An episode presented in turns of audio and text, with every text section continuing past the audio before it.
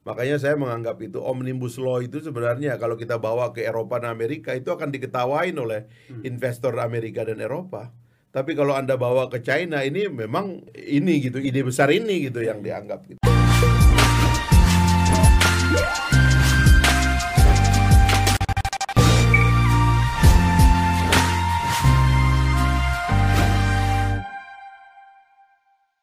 Assalamualaikum warahmatullahi wabarakatuh. Kita bertemu kembali dalam uh, acara podcast saya, YouTube channel saya bernama Akbar Faisal Unsensor. Ini adalah episode keempat baru saja, tetapi saya pastikan episode-episode yang akan kita hadirkan akan selalu bisa memberikan pencerahan bagi kita semuanya. Terkhusus saat ini, malam ini, saya kedatangan tamu kolega saya selama 10 tahun terakhir di DPR. Kami menyebutnya Panglima Perang DPR di masa itu. Beliau 15 tahun menjadi anggota DPR, tiga periode, dan kemudian memilih untuk tidak lagi sebab sedang menyiapkan sesuatu. Kita akan berbicara tentang itu. Kali ini tamu saya betul-betul sangat istimewa. Pak Fahri Hamzah. Assalamualaikum warahmatullahi wabarakatuh. Waalaikumsalam. Terima kasih Pak Akbar. Iya, unik juga rasanya kita bertemu pada sebuah momen seperti ini. kita 10 tahun bersama di DPR. Jadi tidak ada basa-basi yang uh, cukup bisa apa namanya menjelaskan bagaimana saya mengenal Pak Fahri, Pak Fahri Hamzah. Ada tiga periode Anda di DPR. Ya. Oh, yang saya lihat Anda begitu tegas warnanya di antara ribuan anggota DPR selama tiga periode itu. Yeah, yeah. Sekarang Anda di luar permen. Yeah. Apakah merasa kesepian dengan itu? Saya uh, ya ini event seperti ini adalah satu uh, apa namanya ritual baru dari masyarakat demokrasi. Kita bersyukur bahwa kita hidup di alam yang berbicara itu uh, uncensored. uncensored. Jadi kita boleh berbicara. Dan di dalam atau di luar itu sebenarnya sama saja. Hmm. Cuman bedanya kalau kita di dalam itu kita disumpah yeah. ya setelah meminta mandat kepada rakyat lalu kita terpilih lalu kita disumpah setelah disumpah kita diberikan gaji dan fasilitas jadi kita bekerja di dalam uh, apa namanya ruang negara sebagai sebagai organisasi pengurus ya e, negara itu namanya pemerintahan. Jadi tanggung jawabnya itu memang beda. E, juga e, apa fasilitas dan ruang yang diberikan oleh konstitusi dan hukum kepada kita juga berbeda. Tetapi sebagai pribadi saya tidak pernah merasa hidup ini uh, terlalu ramai gitu. Jadi saya selalu menginterpretasi bahwa hidup itu adalah hidup yang sepi karena pada dasarnya saya mengambil ujung dari hidup. Hmm. Dalam pemahaman orang Islam itu, ujung dari hidup kita ini kematian itu adalah tanggung jawab kepada Allah. Dan tanggung jawab kepada Allah itu sendiri. Di dalam Al-Qur'an dikatakan yaumala yanfa'u malun wala banun jadi pada hari itu tuh nggak ada itu yang namanya harta, keturunan, ya kan pangkat, kemewahan tuh nggak ada. Jadi sepi. Nah, saya sering itu ketika saya dihujat atau saya dipuji, itu sama-sama saya berpikir bahwa hidup ini sepi. Hmm. Jadi tepuk tangan itu tidak membuat kita itu terlalu bergagah-gagah, membusung dada. Tapi juga cacian tidak boleh membuat kita berkecil hati dan apa patah begitu ya itulah. Jadi begitu saya memutuskan kita mau membangun kekuatan baru di luar ya kira-kira itu akan kita hadapi dan itu sudah terbiasa. Justru pada saat kita harus ditepuk tangan pun kita nggak terlalu bermewah-mewah tapi bagi seorang aktor itu tetap saja membutuhkan bukan tepuk tangan saya rasa tapi membutuhkan uh, energi positif dari para pihak manusia orang untuk hmm. sesuatu yang diyakini anda tidak bisa mengelak bahwa Anda seorang aktor setidaknya pada 15 tahun terakhir di DPR dan itu sangat sentral. Itulah juga sebabnya kenapa aktor tuh banyak yang akhirnya hidupnya kesepian Hmm. gitu karena eh, dia eh, terkejut gitu oleh fakta bahwa pada akhirnya hidup itu mengalami lorong kesepian Hmm. Dan dia mau bertahan jadi orang yang populer dan ditonton orang itu tidak tidak mudah. Nah itu yang menurut saya saya tolak itu gitu. Saya bisa berada di atas panggung, saya apa istilahnya I can play the role Iya. gitu. Saya bisa hadir dan membuat pesona seperti yang dikehendaki, tapi tetaplah kita ini dalam kesepian gitu. Hmm. Saya ketemu dengan teman-teman saya yang aktor beneran ya, artis beneran, penyanyi beneran itu saya sering mengatakan kepada dia, nasihat saya adalah nikmatilah hidup yang sepi, sebab itulah yang sejati gitu. Begitu. Sedap sekali. ya, tapi em, saya tetap harus eh, apa namanya menggunakan sebagian dari logika saya menghadapi Fahri Hamzah hari ini pada logika publik yang ingin banyak tahu. Eh, ada satu pertanyaan. Momen politik yang bagaimana yang Anda tidak bisa lupakan dan sangat bersejarah bagi Anda selama menjadi seorang aktor tadi. Saya itu tidak terbiasa mengambil momen-momen yang apa yang menonjol dalam kurun waktu setahun atau dua tahun begitu. Karena saya mengalaminya tuh hari-hari dan saya memberikan makna itu hari-hari. Tapi kalau boleh sebagai generasi gitu, kan saya ini kan orang kampung, lahir di Sumbawa. Dari keluarga orang kampung. Ibu saya ibu rumah tangga, bapak saya itu petani peladang. Sambil menjadi guru tentunya. Memang nenek saya ini dulu keluarga politisi, orang Mandar ini. Ya kan? Eh, orang-orang Masyumi di zaman dulu. Pernah jadi jurkam dan sebagainya. Nah, pindah ke Jakarta eh, tahun 92 masuk UI. Sebelumnya saya di Mataram setahun. Lalu kemudian menjadi bagian dari aktivis Jakarta. Mewakili jaket kuning yang sangat membanggakan Universitas. Indonesia. Ya, Universitas Indonesia dan Fakultas Ekonomi Oh, yang dianggap sebagai fakultas yang paling sombong gitu. Karena kita waktu masuk di FEU itu ada lagunya itu. Jadi dicela nih fakultas-fakultas lain katanya anak teknik paling banter jadi bengkel gitu-gitu kan. Terus em, anak kedokteran paling banter jadi dukun dia bilang gitu. Kalau anak FEU itu paling sial jadi menteri katanya Oh, karena memang menterinya orde baru banyak dari pada waktu iya. Masap ekonominya Indonesia kan Ya. di Universitas Indonesia. Ya ini mulai zaman apa namanya Wijoyo dan Iya. seterusnya. Nah, eh, tapi kemudian eh, apa tahun tahun kita berakhir kuliah, lalu saya ngambil S2 di Magister Kebijakan Publik di UI. Itulah kemudian kita sukses atau mengalami perubahan politik. Setelah 32 tahun Orde Baru, kita kemudian mengalami masa Orde Baru runtuh di depan mata kita. Itu tentu memori dalam hidup kita ya. Bagaimana kita bergerilya di kota untuk apa menyelamatkan diri dalam transisi gitu. Berdemonstrasi dan sebagainya. Lalu menjadi anggota MPR Nah, saya jadi anggota MPR ditelepon oleh Pak Habibie. Eh, Pak Habibie meminta eh, dua orang Marwah dan eh, Mas Priyo Pak Habibie minta anda jadi anggota MPR Nah, saya tanya teman-teman ini kita habis demo nih gimana dia bilang enggak, kita tetap harus bikin mimbar, membiasakan diri. Memang dari awal kita punya visi perjuangan politik yang lengkap. Ada parlemen jalanan, ada juga parlemen di dalam ruangan gitu. Dua-duanya fungsional. Nah, eh, jadi anggota MPR. Jadi saya sebenarnya masuk menjadi anggota legislatif itu bukan 15 tahun. Hmm. Dari tahun 98 Sudah MPR ya. sudah MPR lalu Usia berapa waktu itu? 27. Oke. Jadi waktu itu kemudian saya menjadi tenaga ahli di fraksi reformasi pada waktu itu. Lalu kemudian eh, j- 2004 menjadi anggota DPR dan eh, apa namanya 15 tahun ya lima tahun terakhir jadi pimpinan.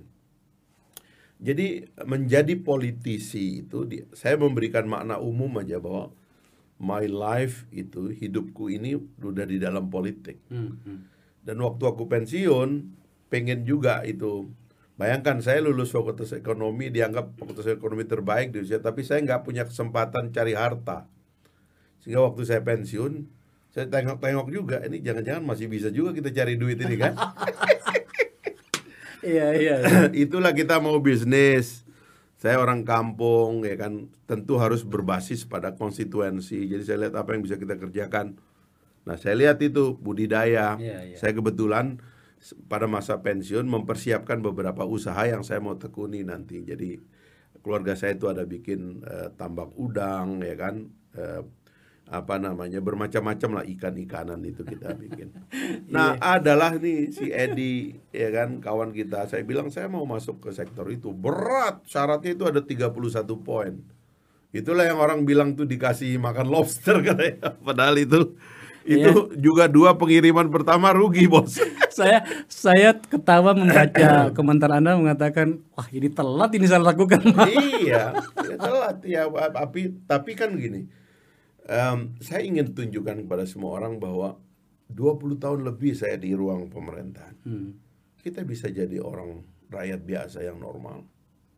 Tapi dengan idealisme saya dalam politik begitu. Tapi saya tetap punya hidup, saya punya anak, istri, dan keluarga yang kita harus urus ya, sebagai orang biasa, sebagai rakyat biasa. Dan itulah kira-kira yang hari ini kita jalankan sambil menunggu momen-momen yang apa ber- berbau politik ya. Tiba-tiba partai yang saya dirikan Partai Gelora sudah ikut 177 pilkada. Saya akan sampai ke situ nantinya. Di, ditahan dulu. Gini, eh, salah satu catatan yang tegas dari seorang Fahri Hamzah pada peran-peran konstitusi itu adalah mengkritisi KPK amat sangat keras. Iya, iya. Tentu saja saya tahu karena saya ada di situ dulu. Tapi publik pengen tahu sebenarnya. Dengan kondisi KPK yang sekarang banyak kritikan yang mengatakan eh, agak melemah. Ternyata orang masih menginginkan KPK rajin melakukan OTT. Hal yang Anda kritik pada saat itu. Hmm. Tapi dengan eh, KPK hari ini apa yang ingin Anda katakan? Anda menyesal atau Anda mengatakan ini sudah benar? Jadi em, satu bangsa itu sering saja em, imajinasinya ekstrim gitu. Dia ada pendulumnya begitu. Dalam terhadap semua hal gitu. Karena itulah satu bangsa itu perlu dijaga. Kalau memakai teori agama itu namanya tuh zikir dan fikir. Zikir tuh membuat orang itu bertahan. Fikir tuh membuat orang tuh aktual. Jadi satu bangsa juga begitu. Harus ada yang aktual, tapi harus ada yang bertahan. Nah kita itu memang daya tahan kita itu lemah gitu. Itu sebabnya kita kadang-kadang mudi sebagai bangsa itu mudi gitu. Kita senang dipimpin oleh orang kuat, ya kita senang dijajah. Bahkan ada ada ilmuwan yang mengatakan kita itu pada dasarnya senang dijajah gitu. Itulah sebabnya kita membiarkan penjajahan itu lama. Nah, waktu KPK lahir dia menitipkan itikat baik pada undang-undang ini bahwa dengan kekuatan yang begini besar, orang-orang di dalamnya akan rendah hati menggunakan kekuatan ini ala kadarnya. Sebuah senjata pamungkas yang bisa menghancurkan sistem itu sendiri, tapi diberikan itikat baik supaya dengan itikat baik itu para pejabat yang ditugaskan itu akan berhati-hati menggunakan kewenangan ini. Karena ini senjata yang hebat sekali. Itulah niatnya Undang-Undang Nomor 30 Tahun 2002. Ternyata para pejabatnya itu nggak kuat dia. Jadi dia nggak tahu tentang kearifan dari undang-undang itu bahwa ini memerlukan itikat baik, kebaikan hati, keadilan, hikmah, kebijaksanaan itu. Senjata yang sebenarnya tadi senjata simpanan tiba-tiba itu menjadi senjata inti dan dilegalisir menjadi senjata inti. Itulah OTT itu. Makanya kalau kita baca dalam undang-undang ini dan dalam semua undang-undang istilah OTT tidak ada. Dalam undang-undang KUHP nggak ada, dalam KUHAP tidak ada, dalam undang-undang KPK nggak ada. Yang ada itu adalah terminologi umum Iya. yang saya konfirmasi kepada beberapa pakar dan profesor ahli hukum yaitu heterdat itu tertangkap itu ya. Berbeda dengan operasi. Nah inilah yang kemudian saya anggap ekstrim. So jadi kemudian rusaklah sistem. Polisi berantakan ya kan. Kebut-kebutan dan kejar-kejaran dengan KPK berantem berperiode-periode berantamnya itu. Jadi yang kalau di kalau penonton pakai visi penonton, penonton akan mengatakan mantap, mantap, lanjutkan, sikat KPK. Waktu KPK berantem dengan kepolisian, penonton senang, hajar itu, memang korup itu lembaga. Waktu berantem dengan kejaksaan, hmm. penonton juga psikologinya begitu, hajar terus KPK, kami dukung kamu, kamu, ayo kita demo ke kantor. Ah, itu dia cara berpikirnya. Padahal ini salah. Sistem harus dikonsolidasi. Nah, kita amandemen menurut saya saya menyukuri itu amandemen itu. Cuman sekarang itu diperlukan pemikir di dalam KPK itu. Orang-orangnya sih luar biasa. Baik pimpinannya itu orang-orang yang hebat maupun pengawasnya. Ada Artijo, ada Pak Tumpak, ada Pak Hartono, ada ada apa Haris di situ, ya kan? Ada apa Albert Albert apa Albertin Ho, Albertin, ya. Albertino Ho. Albertin orang yang terkenal itu, orang-orang hebat, orang-orang yang punya reputasi moral. Sebenarnya cukup. Tapi KPK hari ini memerlukan pikiran sebagaimana dari dulu saya katakan, korupsi adalah kejahatan otak, dia memerlukan orang pintar. Jangan-jangan para pemikirnya yang keluar-keluar itu? Enggak. Enggak ya. Justru itu menurut saya memang wajar mereka keluar. Oh. Karena menurut saya itulah kelompok yang salah paham dengan undang-undang KPK yang lama hmm. dan juga salah paham dengan undang-undang KPK yang baru. Ya, ya. Saya um, melintas dari parlemen ke konstelasi DPR dan pemerintah. Hari ini banyak yang mengeluhkan uh, eh, DPR di hadapan pemerintah karena um, dianggap pemerintah terlalu kuat. Relatifly hanya satu partai yang tidak berada pada kubu pemerintah quote unquote. Tadi itu adalah partai Anda dulu, partai uh, hmm. PKS. Hmm. Menurut Anda ini menarik bagi kita, bagi demokrasi kita atau gimana? Ibu daripada kekuasaan itu adalah eksekutif. Jadi dialah yang melahirkan legislatif, dialah yang melahirkan judikatif. Pada masa lalu, misalnya zaman kerajaan, raja adalah eksekutif, itu adalah intinya. Tapi raja juga membuat undang-undang, dia menjadi legislatif. Dan raja juga mengadili dan mengampuni, maka dia juga judikatif. Jadi pada dasarnya eksekutif itu sebagai induk semang daripada kekuasaan itu kuat sekali. Makanya kita nggak usah apa namanya uh, menganggap seolah-olah ini ada uh, politik oposisi yang kuat. Enggak mungkin kuat mereka. Pasti lemah. Jadi kalau benar pun lemah, apalagi kalau tidak benar. Tapi kalau terlalu apa namanya terlalu kuat juga terjadi ketidakseimbangan loh dan ya. itu uh, tidak bagus bagi kita. Makanya kan kalau di dalam sistem kita itu kan ada sistem parlementer, ada sistem ya. presidensial. Dalam sistem parlementer itu eksekutif itu ditandingi oleh adanya oposisi. Yeah. Jadi ruling majority itu diawasi oleh opposition minority. Dan negara biasanya memberikan ongkos kepada kubu oposisi lebih banyak daripada kepada kubu ruling yeah. eh, apa namanya government. Kenapa? Karena supaya oposisi kuat menghadapi mereka gitu. Nah, kita ini sistemnya presidensial. Presidennya kuat sekali. Yeah. Tapi itu yang saya introduksi di dalam buku saya yang kebetulan ada di depan Bang ya, Bang Bar itu. Itu saya tulislah terminologi kongresionalisme sebagai satu terminologi baru bagi presidensialisme. Hmm. Sebab dalam presidensialisme itu yang menjadi oposisi adalah keseluruhan anggota Kongres. Jadi DPR dan DPD sebenarnya dalam teori presidensialisme, kongresionalisme itu adalah oposisi terhadap ya. eksekutif. Sayangnya konsep ini nggak dipahami oleh partai politik, termasuk dengan segala maaf PKS sendiri nggak paham konsep ini sebenarnya. Karena yeah. itulah kemudian dia masih terutama ya melakukan kontrol terpusat. Padahal kalau dalam sistemnya itu karena kita memberikan kekuatan kepada Kongres, kepada parlemen, maka dia tidak boleh under control partai politik, dia harus independen. Ya. Gitu loh, partai politik mencalonkan dia, tapi dia terpilih itu kan karena rakyat. Karena itu dia jangan distir. Biarkan dia bebas, biarkan dia berbicara. Jangan ketua umum partai bikin deal Ya. untuk oposisi atau untuk masuk pemerentah. Itu jangan dia. begitu Itu caranya. dia. Masih menggunakan logika ini.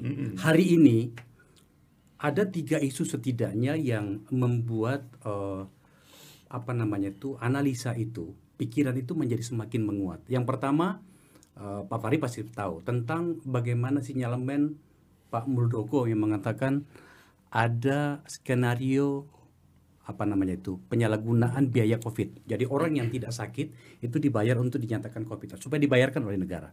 Itu menurut saya isu yang luar biasa. Iya. Yang kedua tentang eh, dana talangan yang disiapkan oleh Kementerian BUMN sebesar 22 triliun untuk Jiwasraya. Saya membaca catatan Pak Fahri juga sudah tidak setuju soal itu. Yang ketiga, nah ini yang baru di di, di, di apa diketuk palu kemarin, undang-undang Omni- omnibus law gitu ya.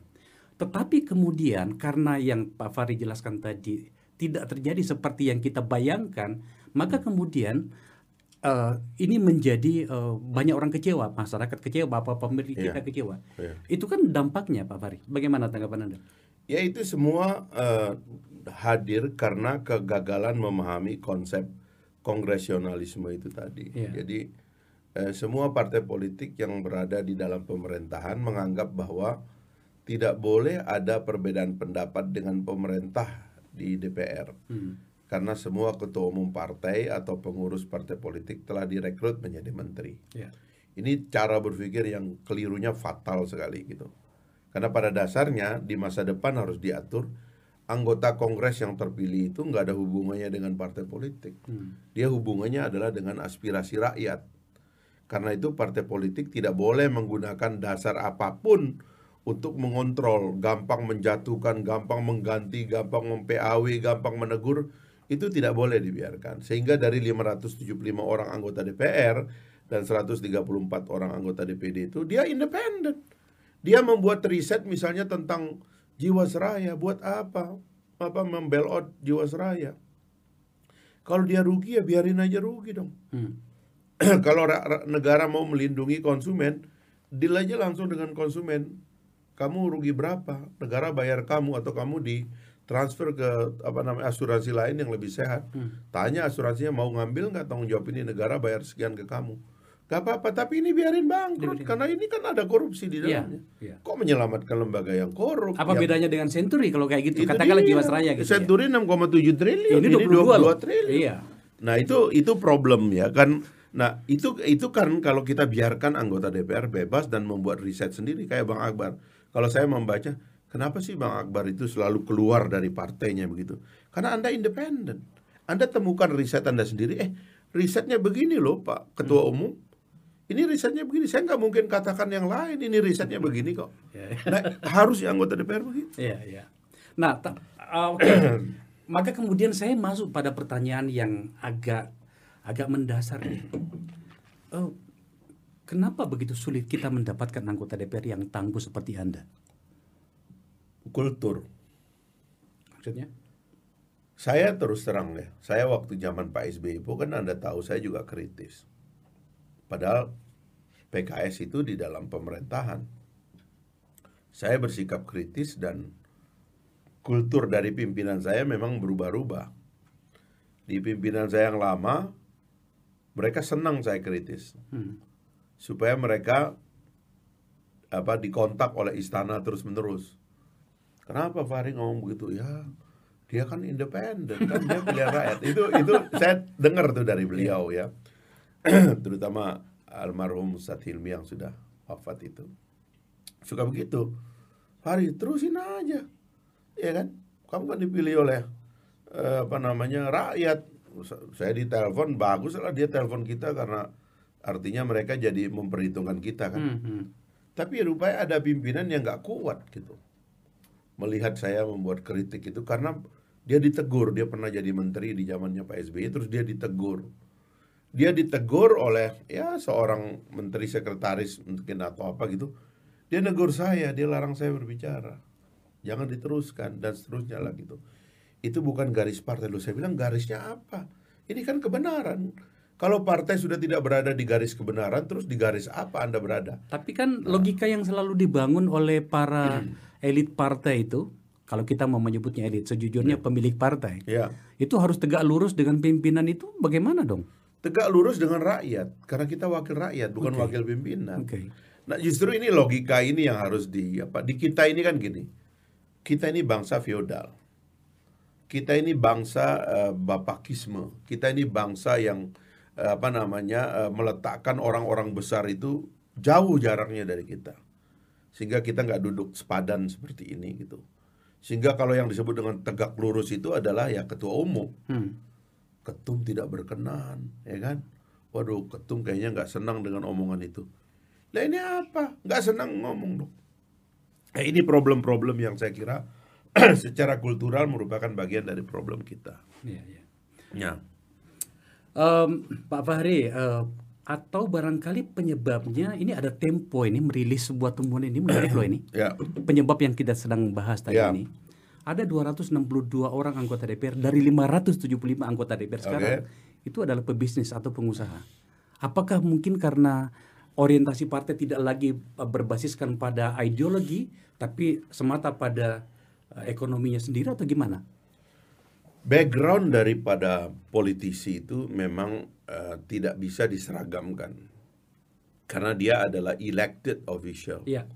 Jadi dia dipilih oleh rakyat itu dengan background yang berbeda-beda. Rakyat itu tidak milih orang pintar, rakyat itu tidak milih orang yang pandai berbicara, tapi rakyat memilih orang yang paling dianggap mewakili. Memang ini nanti ada hubungannya dengan memperbaiki sistem pemilihan. Iya. Karena itulah sistem pemilihan itu harus memfasilitasi perdebatan perdebatan reputasi dan akal pikiran. Kalau kemudian partai politik mau menyelenggarakan sistem pemilihan yang basisnya nanti restu ketum, ah ini yang berbahaya. Yang saya dengar katanya ada keinginan supaya pemilihan partai politik dikembalikan kepada restu ketum.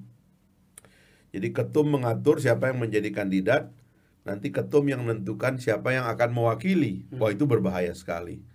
Sistem yang sekarang ini sudah mendekatkan antara pemilih dengan yang dipilih.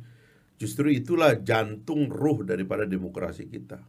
Makanya saya termasuk orang yang setuju sistem distrik. Meskipun saya belum apa namanya menganggap belum matang kita untuk menjadi negara federal, tetapi sistem distrik penting dalam rangka mendekatkan antara anggota DPR pusat dengan rakyatnya sehingga pemilihan anggota DPR itu seperti milih bupati atau wali kota. Jadi one man one vote, the winner takes all Ya. gitu loh. Nah, itu yang mendekatkan mereka nanti sehingga kemudian eh, apa eh, pertanggungjawabannya juga lebih real. Mau dia pengusaha, mau dia lawyer, mau dia apa pun terserah itu rakyat yang milih dia tapi nanti dia harus kembali kepada konstituensinya untuk bertanggung jawab. Sekarang ini banyak anggota DPR itu yang kalau dia pedagang masuk ke DPR jadi pedagang Iya. ditaruh di badan anggaran Anggaran. atau benda, menjadi bendahara partai dan bendahara fraksi kerjaannya itu cuma duduk di ruang sidang nggak pernah ngomong tapi mobilnya paling mewah kalau datang ke sono itu Dan pemegang kendali eh, kebijakan partai. pemegang kendali kend- pujian partai dan pemegang kendali eh, ini anggota DPR yang lain boleh ngomong atau tidak eh kita lagi ada deal dengan menteri itu kan mampus jadinya Ah. Iya, kalau kayak betul. begitu nah ini sistemik ya, koreksi sistemik yang harus kita buat tapi kan gini kalau orang tidak terbiasa punya gambar besar dari persoalan pusing dia memikirkan ini itu yang saya bilang orang kayak anda ini mesti kita meletakkan untuk menjadi peletak dari bagaimana kita mereform sistem ini supaya sistem lembaga perwakilan itu kembali ke situasi normalnya Iya. sebagaimana apanya dia kita bentuk gitu. Kalau sekarang ini kan jadi tidak. Itu tadi kehadiran dari para pedagang itu ternyata difungsikan benar-benar untuk berdagang. Gitu loh, bukan untuk menegakkan idealisme sektoral atau kepentingan konstituensi. Benar-benar berdagang. Benar-benar jadi pedagang, ngatur anggaran, ngatur pejabat eh, yang Iya. mesti diangkat, siapa yang boleh ngomong, siapa yang nggak boleh ngomong. Yang lucunya anggota DPR yang sebenarnya punya karakter, punya kemampuan kok takut sama mereka ya? Ah itu ketum. Nah, ini lagi. itu yang saya koreksi di dalam buku itu. Makanya judulnya itu adalah antara daulat rakyat dengan daulat parpol itu. Ya. Kita mesti mereform politik kita ke depan. Jangan lagi politik itu atau partai politik itu menjadi lembaga yang mengexercise power. Dia harus menjadi lembaga yang mengexercise pikiran. Karena itu kita harus menarik partai politik menjadi mesin, menjadi mesin dan bahkan binatang politik kekuasaan, tapi pikiran, tempat ide-ide diperdebatkan. Kenapa orang menjadi demokrat di Amerika Serikat? Kenapa menjadi republikan? Iya. Itu ada background pikirannya dan background pikiran itu yang dibela terus-menerus Iya, iya. antara kaum konservatif dan kaum liberal. Betul. Nah, di kita harus ditegakkan mulai begitu. Iya. Anda sekarang kan menjadi wakil ketua umum Partai Gelora, Iya. partai baru. Eh, saya yakin pikiran-pikiran Pak Fahri itu akan diterjemahkan di situ. Apakah kita semuanya bisa berharap bahwa seluruh anomali pengelolaan partai politik itu tidak akan terjadi di Partai Gelora nantinya? Justru itu adalah komitmen awal kita dengan teman-teman ya. Kenapa Partai Gelora itu lahir dalam fase 20 tahunan itu. Jadi kan kita menganalisis orang Indonesia itu setiap 20 tahun tuh gelisah dia. Hmm. Makanya ide-ide besar dan reform di dalam tubuh bangsa kita itu biasanya 20 tahunan itu. Ya. Mulai dari 08 ya 28 48 68 sampai 98 dan 2018 lah eh, apa namanya ide tentang Partai Gelora itu lahir Hmm. yang kemudian 2019 deklarasinya menjadi partai politik 2018 itu menjadi ormas kira-kira namanya arah baru Ya. Nah, eh, kita mau mereform, mengevaluasi perjalanan 20 tahun ini dan kita mesti melakukan reform besar-besaran. Tapi memang basisnya adalah kita mesti percaya Pak bahwa perlu ada ide baru untuk semua itu gitu. Ya, itu yang saya ingin eh, ketahui dari Pak Fahri. Sebab begini, eh, teori-teori ini kan juga dilakukan oleh partai-partai, setidaknya partai-partai baru yang lahir belakangan. Teorinya, kemudian mimpi-mimpinya, tapi ternyata juga akhirnya kalah di hadapan kekuasaan. Lah kalau kemudian Partai Gelora juga nantinya dan Fahri Hamzah, orang yang sedang duduk di depan saya juga kalah nantinya, terus kita mau ke mana bos? itu Ya, kira-kira. ya ada unsur perjudian di situ. Iya, Tapi kan hidup tidak boleh berhenti. ya saya rasa iya. Eh, apa kata Syahrir itu kan hidup yang tidak dipertaruhkan tidak akan dimenangkan. Hmm. Dan kita ini bertaruh, ya, reputasi kita, waktu kita Iya. semua bertaruh. Iya. Tapi kan kita tidak cari selamat. Anda sendiri bikin podcast kayak gini kan ada resiko ini Iya, bos, ya kan? Betul, betul. Eh, apa banyak lah gitu. Tetapi ini semua pilihan dan kita memilih untuk itu. Iya. Karena pilihan itulah yang membuat kita sadar kita harus fight gitu. Karena nggak ada hidup yang istilah orang Malaysia itu semula jadi, Iya. yang instan tidak ada. Semua harus kita perjuangkan. Saya lihat eh, para pengendalinya Partai Gelora ya kan itu teman-teman saya juga teman-teman kita itu eh, relatively saya percayai secara personal. Hmm. Saya boleh dong bersikap di Iya. di apa namanya di acara ini. Dan saya tentu saja berharap eh, seluruh mimpi itu bisa diterjemahkan Pak. Iya, insya Tapi ada satu pertanyaan yang perlu orang tahu. Sebab ini pertanyaan mendasar. Ya, Mahal loh membiayai sebuah partai politik. ya. ya. Gelora apalagi apalagi sekarang saya dengar sudah bermain di 170 Tujuh 177 ya pilkada pilkada. Ini kan namanya mengibarkan bendera gratis. belum ada kursinya tapi sudah main Oh, gitu iya loh. dong, ya. Tapi pertanyaan tetap sama. Biayanya dari mana? Teori pembiayaan politik dalam demokrasi itu kan market uh, market base. Hmm. Jadi ide itu kita jual, lalu ide itu dibeli oleh orang. Gitu. Dan it- begitulah cara kita memperkenalkan partai politik juga begitu. Tentu di antara para pendiri seperti kita kalau mau bikin perusahaan juga kan ada apa nama initial share-nya gitu Iya. dari orang-orang terdekat saya, Iya, iya. Anies ya kan Pak Mahfud, Pak Irel dan kawan-kawan ini adalah shareholder awal lah ya kita ketika mengumpulkan teman-teman juga dengan uang kita pribadi.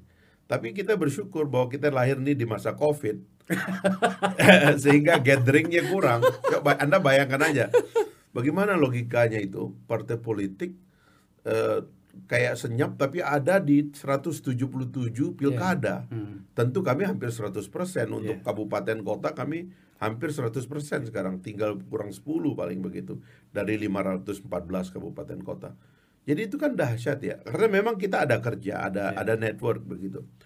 Makanya waktu kita dulu awal itu ide mau dirikan partai, Pak Menteri juga bilang gitu, Bung Fahri, mahal itu bikin partai. Ini banyak partai nganggur di Kementerian Hukum dan Anda beli aja. Beli satu, aja dua- benderanya ya. Satu dua miliar, dia bilang kan Anda kongres ulang dapat itu saya bilang. Enggak Pak Menteri, kita mau coba ininya kita. Dan saya kaget karena rupanya yang disebut rakyat membeli ide itu ada. Jadi itu di apa namanya Sangihe Talaut itu ya. Di, di kampung di Papua di distrik-distrik itu ada yang membeli ide. Saya senang dengan idenya Mas Fahri itu. Saya senang dengan idenya Pak Anies itu. Saya senang dengan karakternya Pak Mahfud itu. Dibeli sama orang ide ini. Begitu kita kibarkan ini bendera dibeli oleh orang.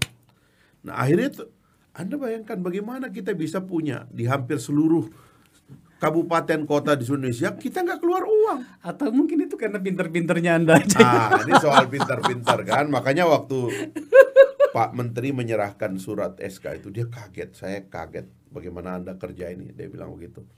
Terus yang berikutnya kita kaget lagi. Kok bisa di semua pilkada kita dikejar oleh kandidat? Harus ada Iya, geloranya. iya, iya. Harus ada geloranya ini kan. Khususnya harus ada varian Ya, saja. Makanya kan. Jadi waktu kita ke Medan ya kan.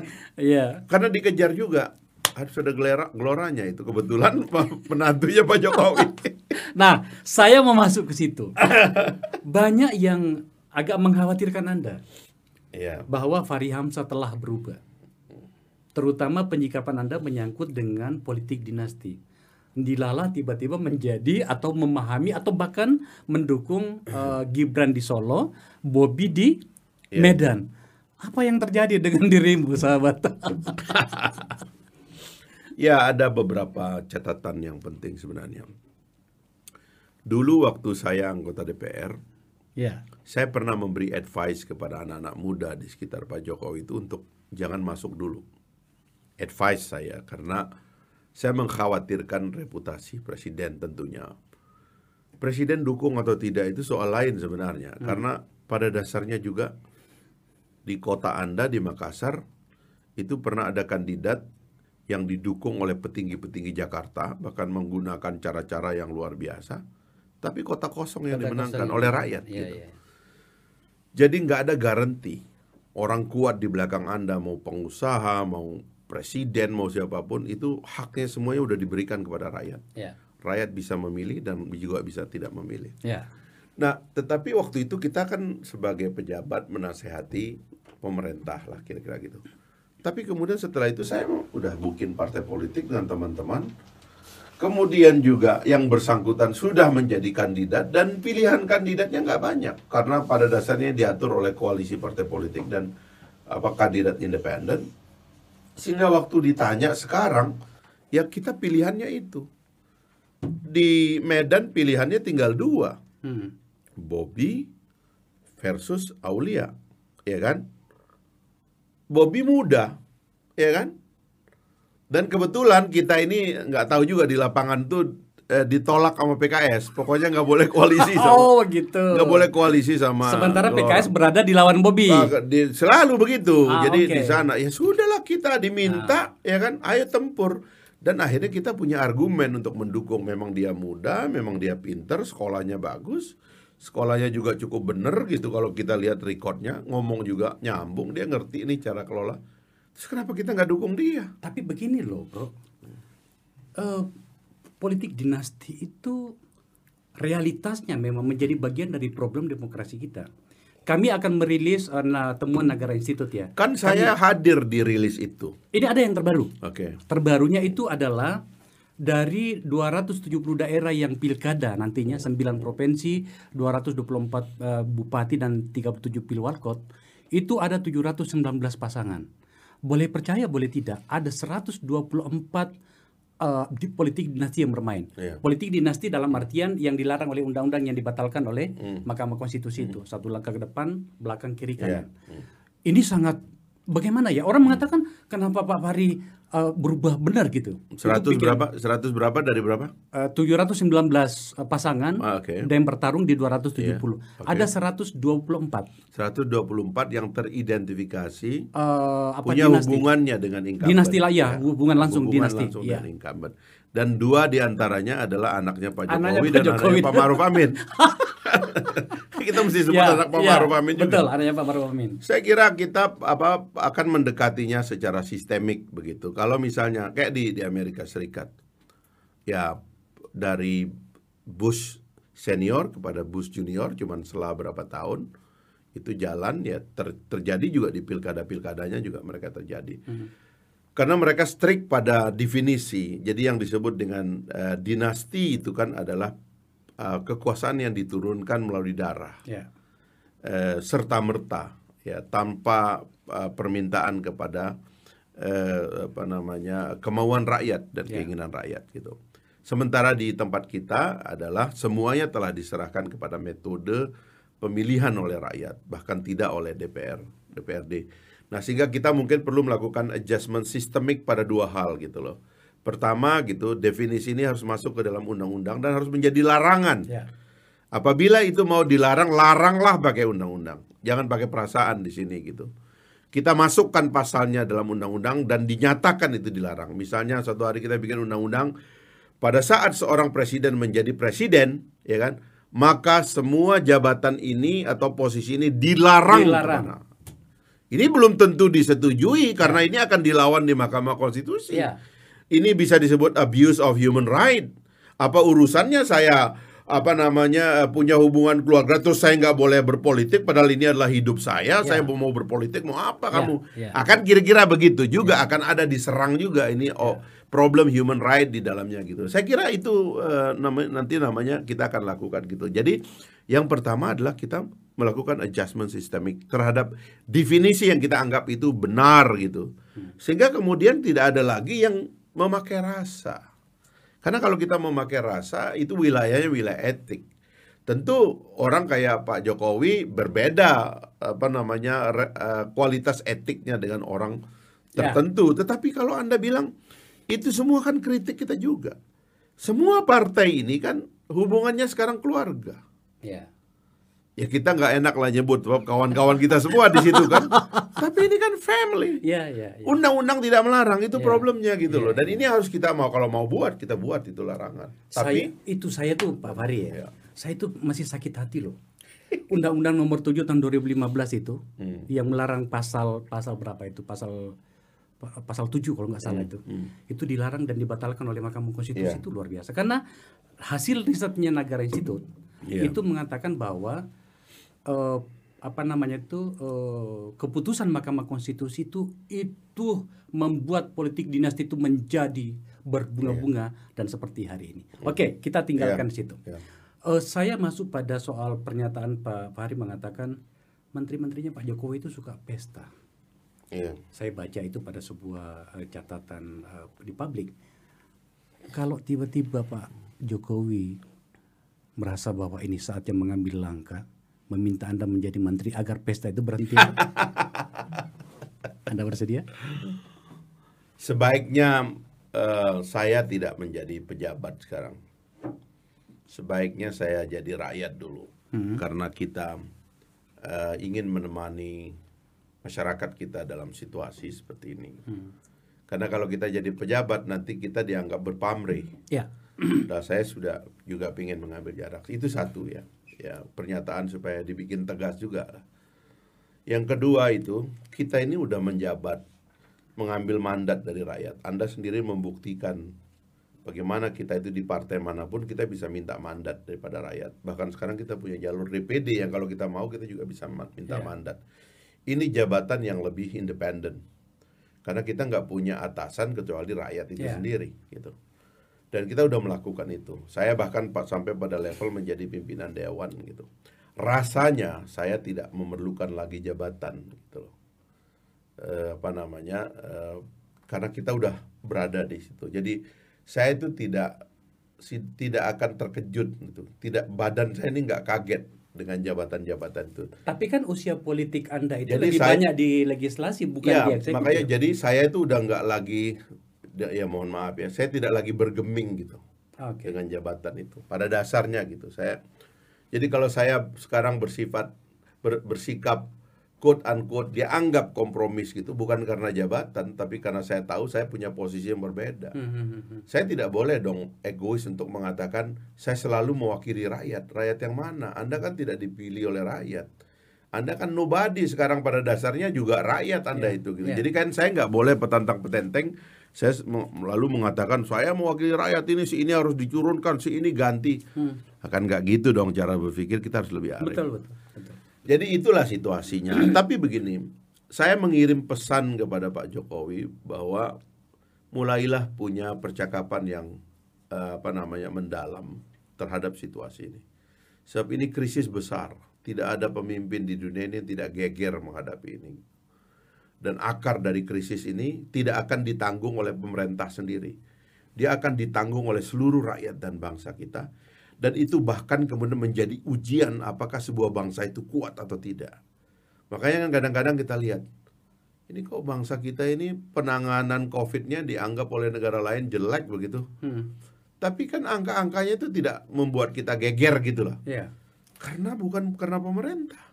Tapi daya tahan survival itu ada pada rakyat kita gitu loh. Hmm, hmm. Nah, kita harus menghitung dengan ide baru, dengan pikiran yang lebih segar begitu, bagaimana kita mau membawa bangsa ini ke depan. Nah, itu yang saya usulkan kepada presiden supaya percakapannya lebih matang, lebih kuat begitu. Sehingga kita nggak perlu diuming-imingi jabatan, cukup mau mendengar kita aja bahwa ini ada alternatif pikiran yang harus di apa namanya dicoba gitu loh, dieksplor begitu. Ada yang mengatakan pemerintahan kualitas pemerintahan Pak Jokowi di periode pertama jauh lebih baik dibanding yang yang kedua. Anda bisa membaca menjadi nujum kira-kira di ujung pemerintahan Pak Jokowi itu itu berada pada level mana?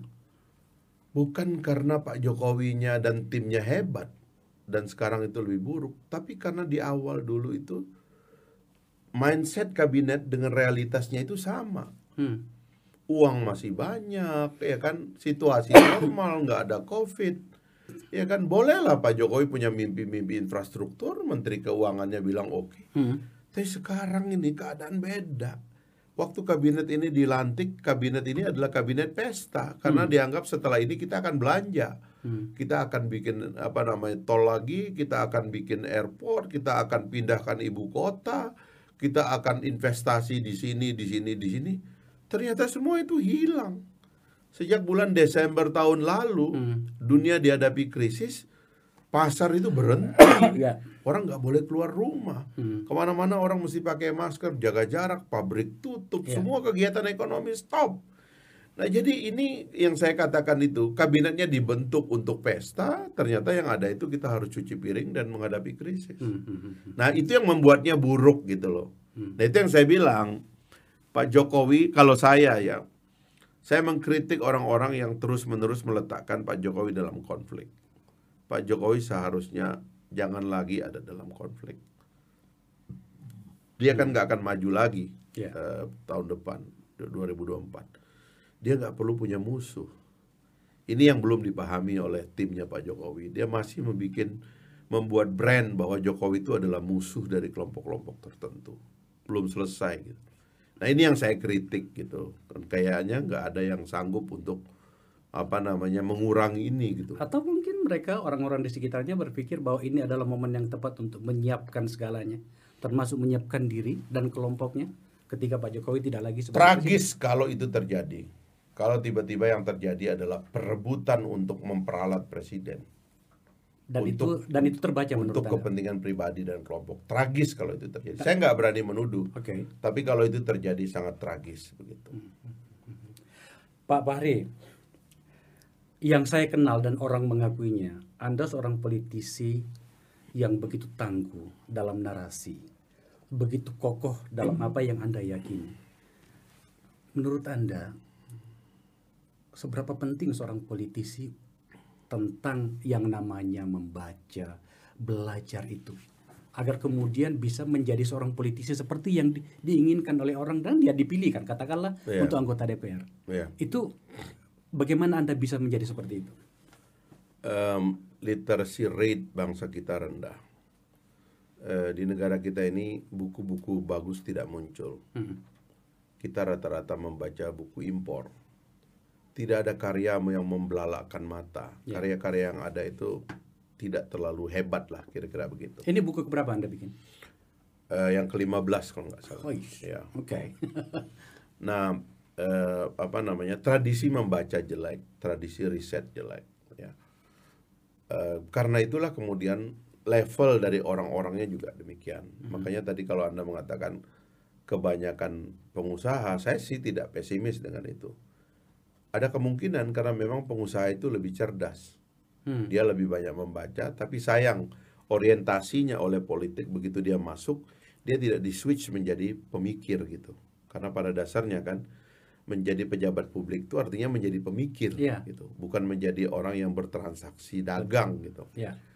Nah, eh, itu yang kita sedihkan. Makanya kan eh, Anda bikin podcast seperti ini, saya juga ada channel. Itu yang abadi daripada seorang politisi. Dia tuh menjadi public educator.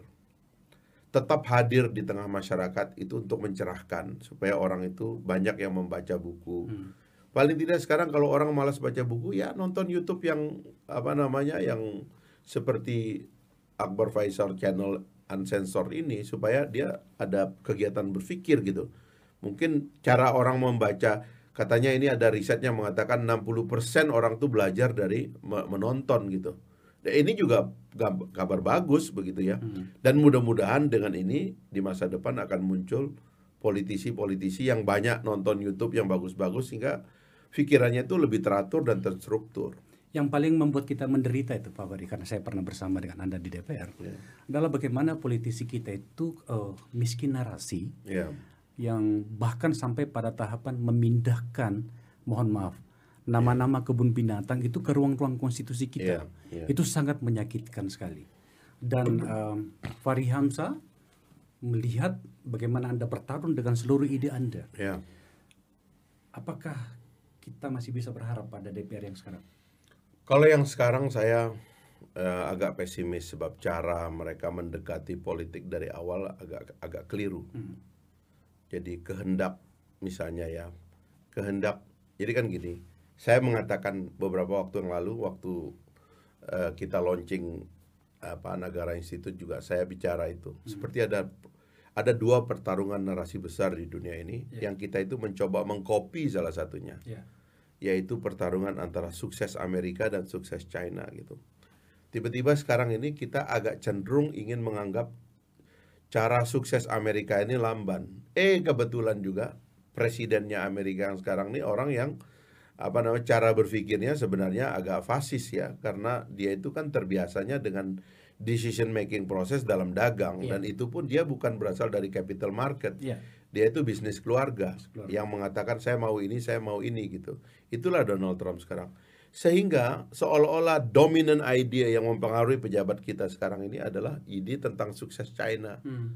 Makanya saya menganggap itu omnibus law itu sebenarnya kalau kita bawa ke Eropa dan Amerika itu akan diketawain oleh investor Amerika dan Eropa. Tapi kalau Anda bawa ke China ini memang eh, polanya ini adalah pola eh, apa namanya ini gitu, ide besar ini gitu yang dianggap gitu. Cocok untuk mereka. Eh, Cocok untuk mereka. Tidak Tapi- untuk di barat Tidak untuk di barat. Ini barat itu green, human right dan Ya. seterusnya itu. Itu nggak ada dalam omnibus ini. Pertanyaan terakhir dari saya, seandainya Anda masih ada di DPR, Omnibus Law Cipta Karya ini, Cipta Kerja ini akan lolos atau tidak? Seharusnya dicegah dari awal. Saya pernah mengatakan, saya kan kita ini kan hadir. Ini kan yang mau dirombak ini adalah undang-undang, tidak saja yang 20 terakhir-terakhir Iya. 20 tahun terakhir kita buat. Ada undang-undang yang justru mau kembali ke masa lalu 70 di dalam berapa? 79 79 undang-undang. 79 ser- 1200 pasal. Hmm. Kalau saya bilang sama presiden, nggak perlu Pak. Bapak ambil aja itu PP-PP Bapak itu buat penterjemahan yang mengklirkan terjemahan terhadap seluruh undang-undang yang pernah ada dan dibikin lebih efektif. Keperluannya cuma PP. Kalau ada hal-hal yang menurut Bapak nanti di dalam undang-undang itu adalah konflik di antara salah satunya bikin perpu. Atas nama COVID Bapak bikin perpu. Saya sinkronkan makna dan norma dalam un dua undang-undang dalam tiga undang-undang. Nggak perlu ribut di DPR dan nggak perlu kemudian menjadi otoriter. Semua kewenangan mau dirampas ada satu lembaga yang muncul yang nggak boleh diadili. Wah ini kan nggak masuk akal. Iya, iya, iya, iya. saya kira itu. Nah argumen ini yang dari awal itu oleh anggota DPR kita ini tidak kuat dia mengimajinasikan apa yang sedang yang terjadi. Yang sedang terjadi adalah tren untuk mengikuti China di dalam om, ombud- apa namanya omnibus law ini. Itu yang saya kira alpa dipahami. Dan dia lupa bahwa omnibus law tidak akan laku di barat apa namanya di Amerika dan di Eropa nggak akan laku di Jepang juga nggak bakalan laku ini lakunya cuma di China itu yang dia nggak paham DPR memang kehilangan Anda, Pak Faryanto. Terima kasih telah hadir Sama di lah kita acara. ya, seperti itulah sejarahnya Iya, mengatakan iya, gitu. iya, iya. Sekali lagi terima kasih telah hadir di acara eh, apa podcast saya Akbar Faisal. Sensor. siap Terima kasih. Siapakah politisi baik dan buruk itu? Politik adalah ruang pertarungan yang penuh risiko dan biasanya dianggap kotor. Seorang politisi dengan demikian adalah seorang yang bersedia menempuh jalan sulit dan siap senantiasa untuk dicurigai dan diprasangkai. Seorang politisi adalah seorang yang seharusnya memiliki keyakinan dan keteguhan atas motif dan tujuan kehadirannya.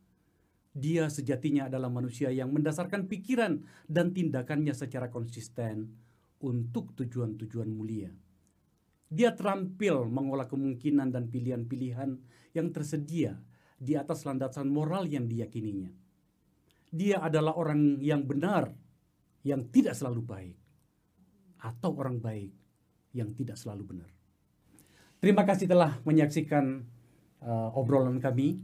Kita akan hadir pada uh, obrolan berikutnya dengan tamu dan topik yang saya yakin akan memberikan informasi terbaik bagi kita semuanya. Wabillahi taufiq wal hidayah. Assalamualaikum warahmatullahi wabarakatuh.